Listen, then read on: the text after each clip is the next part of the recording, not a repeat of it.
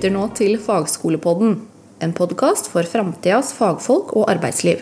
Temaet vi skal snakke om i dag er det grønne skiftet, og hva det vil bety for kompetansebehovet i åra som kommer. Vi er så heldige å få besøk av Arvid Ellingsen. Kan du starte med å fortelle litt om deg sjøl, Arvid? Ja, eh, jeg er jo jærbu som hører på dialekten, så hvis det er noen her på eh, ikke skjønner hva jeg sier, så er det helt forståelig.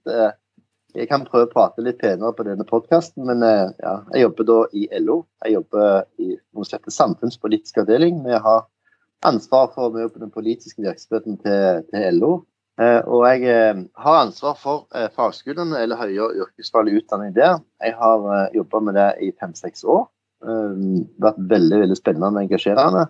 Og jeg har da sittet som eh, leder i Nasjonalt fagskoleråd i to perioder, som er det øverste koordinerende organet i fagskoleverdenen. Eh, akkurat nå så er det NHO som har ledervervet, så da kan jeg ta litt, sånn, eh, litt pause innimellom.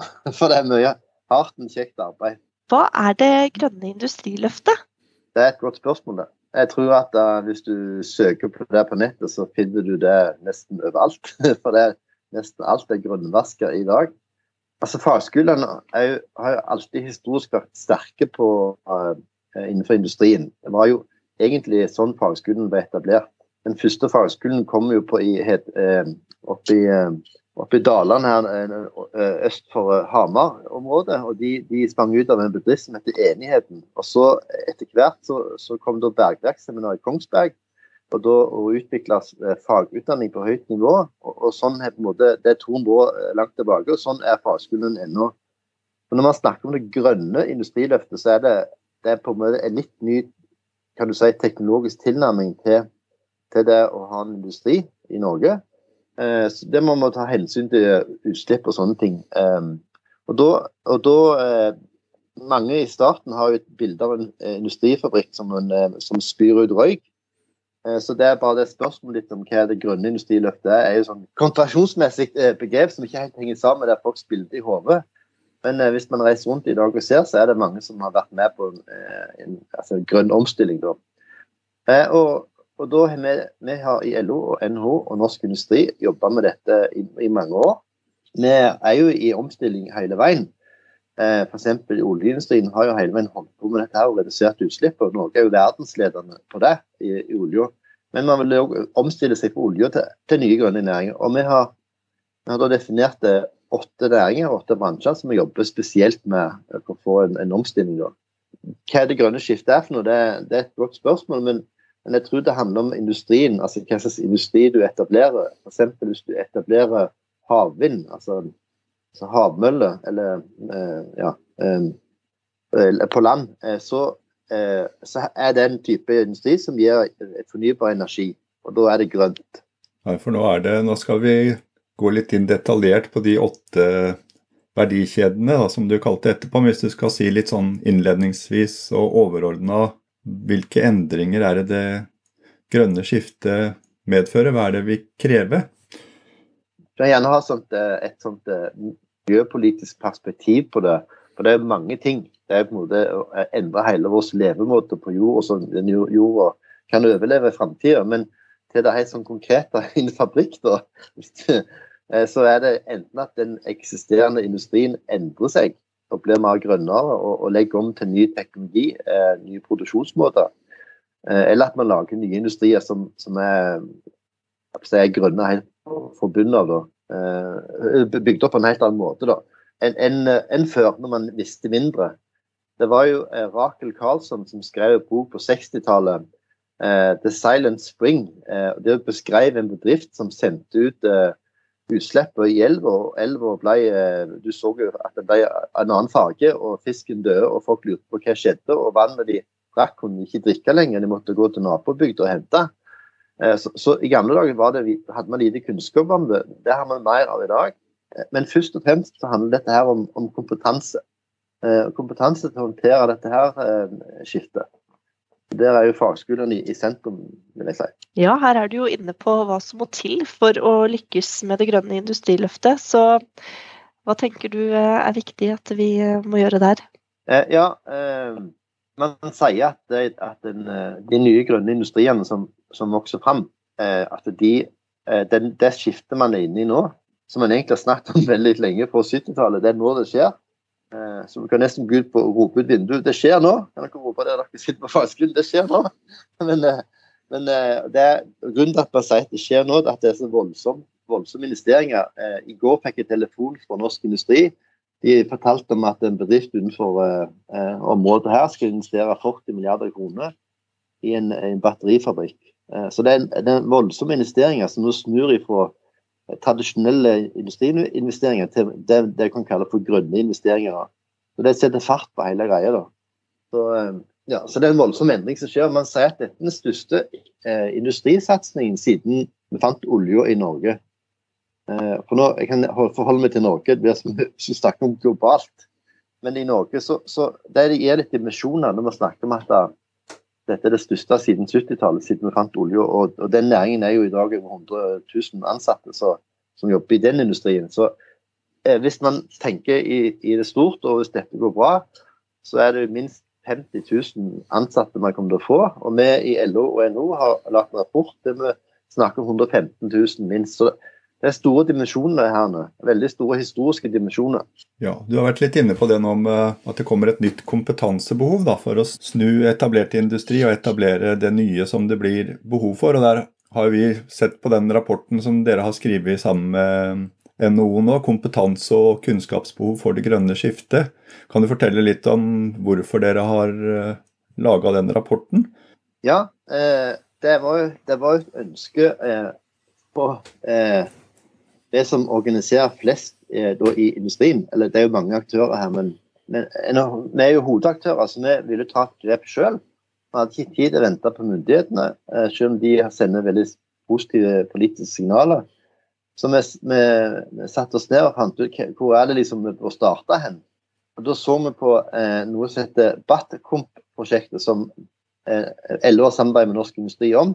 Det de har sett på batterifabrikkene. Det kan vi snakke om litt etterpå, Ståle. Hva, så, så den rapporten her, den bygger videre på det batteri, eh, batteritenkningen, batterifabrikktenkningen.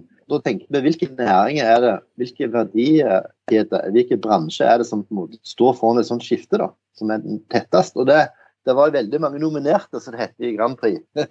mange kandidater, mange, mange bransjer. Men vi plukket ut åtte eh, og gikk inn i de, og så tenkte vi hva er det som er største flaskehalsen nå?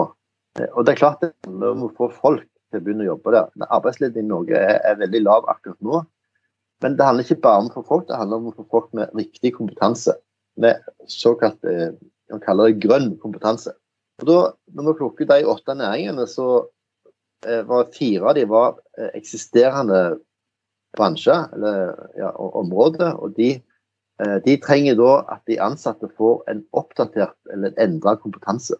Trenger ikke sparke alle folka for på en måte å hente nye de eh, nye næringene, som type havvind og batteri, som vi snakket om i stad, de trenger kanskje en helt ny kompetanse som vi i dag ikke har eh, på videregående skole, på universitetene og høyskolene eller fagskolene. Så Derfor tenkte vi at kompetanse er et nøkkelord her i starten. Eh, så Derfor lager vi den rapporten for å kartlegge kompetansebehovet. Nettopp. Så det er for å få, få fram detaljene da, og litt ned i de ulike verdikjedene. Og så har du delt det i to, skjønner jeg. Det er liksom de etablerte og de nye, nye verdikjedene. Kan du ja. gå litt detaljert igjennom det? Hvilke åtte verdikjeder, og litt hva dere har funnet ut av? Eh, jeg kan si det jeg kan si, for det, det er en del jeg ikke kan si. Eh, og det, eh, jeg kan si det at vi ja, Det var mange nominerte, for å si det sånn. Eh, det var veldig mange eh, grupper vi kan se på. Vi plukka ut fire næringer som var nye, og fire som var i omstilling. Særlig det med at fire som er i omstilling. Erfaringsmessig så når vi snakker om nye innovasjonsbedrifter og spin-ups og alt det greiene, så viser de aller fleste nye virksomheter de eh, går konkurs etter kort tid. Det, det, meste av det som skjer i vekst og nye næringer, skjer innenfor eksisterende områder. Da må du type, Hvis du har en fabrikk i, i Telemark, i Porsgrunn, eller hvor det er, så må du omstille den fabrikken som spyr ut røyk, en mer eh, miljøvennlig fabrikk. Det, det, det, de fleste som bygger ny fabrikk med, der går det ikke så De vi hadde, eh, det var jo da eh, havvind, batteri, hydrogen og karbonfangst. Vi har bygd et sånt stort eh, karbonfangstsenter rett utenfor Oslo, på Klemetsrud. Og det finnes ett til sånt i Norge. Og Vi er helt i fronten i Europa på det, på det eh, karbonfangst. Eh, I tillegg så snakker vi om, eh, eller plukket ut maritim sektor. Eh, og vi plukket ut skog. Det kan høres rart ut, men skog. Og kraftsystem og bærekraftige bygg. Så jeg vet ikke om det makes sense, men det er liksom, ja, de fire nye og de fire eksisterende. Ja, også For de som er spesielt interessert i nå, så er det jo bare å gå inn i den rapporten, og så ser du en beskrivelse av disse åtte verdikjedene, hva behovet er, og hvilke endringer som gjøres, og så hva betyr det for kompetansen. Og så har dere regna litt ut da på antall eh, egentlig personer eller eh, og delte inn i faggrupper og sånt. Kan du ikke dra litt gjennom de konklusjonene der? Uh, vi har lagt uh, tre scenarioer. For det, dette her er jo dette er en usikker bransje. For Her må vi bygge stein på stein, som det heter. Så det, det vi har gjort, vi har sett på erfaringer i andre land. Eh, innenfor f.eks. batteri så er jo Canada, Sør-Korea og Stettico i Sverige i front. Så vi har sett litt på hvordan de eh, vokste fram. Eh, og så har vi da på en måte ja, sett på tre scenario, eh, der det ene er en, en lav vekst. Eh, den andre er litt mer moderat i snitt, og det tredje er en, en voldsom vekst. Og hvis du tar den voldsomme veksten og legger den til grunn, så tenker vi at vi må ha 115 000 nye arbeidstakere innenfor denne her grønne industrien. Og Hovedsakelig så handler det om eh, Og dette her er litt komplisert å beregne, Ståle. for det at du I f.eks. Eh, batteri så har du 70% fagarbeid og 30 på teknisk fagskole og ingeniører og sivilingeniører. Mens i, i havvind så har du motsatt, for der trenger du mer høykompetanse og kanskje færre fagarbeidere. Eh, så, men i sum da, så er det ja, med, Av de 115 000, så var det kanskje en, eh, minst 10 000 for fagskolene man trengte. Eh, og det, det er jo en tredjedel av de som går på fagskolen i dag, som sier litt om hvor stort dette her er. Men hvis vi skal få til dette, hvis vi skal få riktig kompetanse til å håndtere den, den, det man vil gjøre, altså type havvind og sånn, så, og få skogen mer grønn, så må man da hente inn voldsomt mange folk da, eh, på, på, ulike yrker. Men mest tekniske fag og sånn, eh, prosessfag. og jeg, jeg, er ikke så ekspert på alle fagbrev som finnes innenfor dette, men det er en 20-30 minst. Jeg kan ikke navnet på halvparten, men, de er viktige, da, som har gått inn og sett på. Um, så det er nokså mange folk. Uh, men, uh, nå, så, så, det er liksom vanskelig å vite hvor mange eksakt det kommer, men vi har plukket, plukket ut noen næringer. Vi har sett på antall vi trenger totalt i ulike scenarioer, og vi har sett på ulike typer yrker. Alt ifra de med fagbrev til de med fagskole og de med sivilingeniør og ingeniører. I eh, NHOs eh, kompetansebarometer så fremkommer det at næringslivet strever med å få tak i nok fagskolekandidater. Og som rapporten og du nevner her, så er det jo veldig viktig at vi har nok fagskoleutdanna i de yrkene her. Eh, hva tror du årsaken skyldes til det at eh, man strever med å få tak i nok eh, fagskolekandidater? Det er lett å forklare. Det er at man har investert altfor mye på akademisk utdanning og altfor lite på yrkesutdanning, for å si det rett. For å si det helt rett ut. Og da mener jeg ikke altså Jeg husker jeg var på innleder på en regionkonferanse i LO i Telemark og Vestfold. Eh, og Da eh, viste jeg et ark med hvor mye universitetene og høyskolene får eh, av milliarder. De får ca. 43 milliarder kroner. For at fagskolene i Norge får ca. 1,1 milliard på det tidspunktet. da. Eh, og så sa jeg litt sånn morsomt at ja, så, så i framtiden må vi få en bedre balanse mellom den kompetansen vi trenger. Så la oss si vi flytter 20 milliarder kroner over eh, til fagskolene. Eh, og da, fikk, da, var det flere som bare reiste opp og sa hva i all verden er det du snakker om? Så sa jeg det var bare tull, da. Men eh, vi trenger folk med akademisk utdanning òg. De, de, går rett ut i jobb, det er ikke noe tvil. Men vi må bygge den andre søylen, den andre utdanningsretningen, for at arbeidslivet skal få den kompetansen de trenger. Uh, og NHO sitt kompetansebarometer er jo bare Det er jo bedriftene som, som svarer her. Uh, vi sitter òg på undersøkelser der f.eks. KS har begynt å spørre om de mangler teknisk fagskoleingeniører eller Eh, helse- og omsorgsarbeidere som har tatt eh, videreutdannelse på en fagskole, som dere er sterke på. Eh, og det er jo uendelig behov. De har ikke tallgitt det, men det er snakk om tusenvis. Så, så Det er ikke bare i NHOs bedrifter du trenger det, men òg i kommunene og andre, og sykehus og sånn. Så det er egentlig et stort behov da, for på en måte å, å gire opp denne sektoren. Det er ingen tvil om at de trenger det. Og det som universitetene ble mest overrasket over når denne kompetansebarometeret ble lagt fram i 2014, og de er like overrasket hvert år, det er at, at bedriftene som på en måte står for den største verdiskapningen i Norge, at de i størst grad etterlyser da fagbrev og fagskoleutdanning. Vi har investert litt feil, kan du si. Eh, eh investere litt mer i fagskolen i framtida, for å si det sånn, da. Det er jo veldig hyggelig for oss som både går på skolene her og, og jobber med det, at det er, som dere skriver, det er et skyhøyt behov for, uh, for folk med fagskolekompetanse framover. Hvis du, hvis du, skal nå kikke litt hva dette kan bety for uh, både skolen, bedriftene og, og studentene framover, at, uh, hvis vi starter med fagskolen, hvilke muligheter er det du ser for at dette her gir for både oss som fagskole og fagskolesektoren sånn samla sett? Ja, for det er jo på en måte det er jo to eh, svar på det. Det ene er det generelle jeg nå sa. Altså hvordan man generelt trenger folk med fagskoleutdanning i Norge i mange sektorer og bransjer. Og Det andre er det de grønne næringene. og der, sant, Dere har jo ifølge tallet på hjemmesiden så har dere 1100 studenter på Fagskolen Vestfold og Telemark. Eh, vi i LO har sagt at vi vil eh, trappe opp antall studenter i fagskolesektoren fra dagens snart 30 000 til 100 000 rimelig tid. Så Det betyr at dere skal bli eh, 3000-4000 studenter i løpet av kanskje ti år. Det er vår drøm. og eh, vi tror at alle de som, hvis man klarer å få det her til, altså trappe opp, at fagskolen i samarbeid med lokale næringslivsfolk og aktører i lag med fylkeskommunen og staten kan eh, trappe opp, tror vi at de, mange av de vil gå til sånne nye grønne næringene eh, og bygge opp det. Og bidra til å bygge opp det. Og Det som er viktig her, det er at fagskolene er raske til å snu seg om de er raske til å omstille seg og raske til å tilby ny type utdannelse som blir etterspurt. Så det er ikke bare det at det er et generelt behov for de med fagskoleutdanning, men det er òg som at fagskolene raskt gir eh, et svar på det behovet som finnes.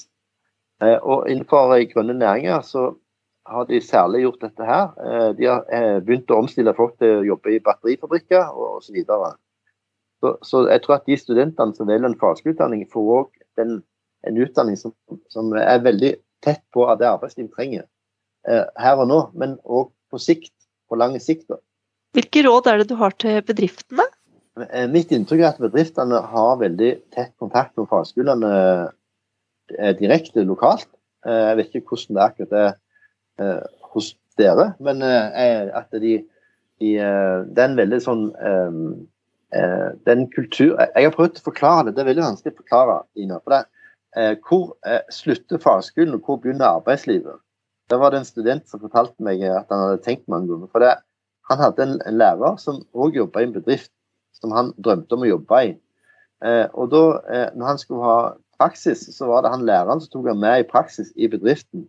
Og den samme læreren som både underviste han og lærte han opp i, i maskinene. Så det, Ofte så er det vanskelig å se eh, denne her, eh, forskjellen. Så jeg tror bedriftene må fortsette det tette samarbeidet med fagskolen som de har i enkelte fag. Det er ikke alle fag som like naturlig, men de fagene er naturlige. Og at man på en måte er så tett på som det er i dag. Da. Og da er det vinn-vinn for begge. For så er det sånn at eh, enkelte bedrifter som når man skulle starte det grønne, i grønne fagene her, så vil de tilby undervisning i sine fabrikklokaler. Altså de har jo noen eh, store forsamlingslokaler i bedriftene. men det, det var formelt ikke lov til å gjøre i Norge, for var, regelverket hadde liksom ikke avklart det. Det sier litt om hvor langt framme fagskolebedriftene er i å jobbe sammen, og, og, hvor langt tilbake i regelverket er for å tillate dette her.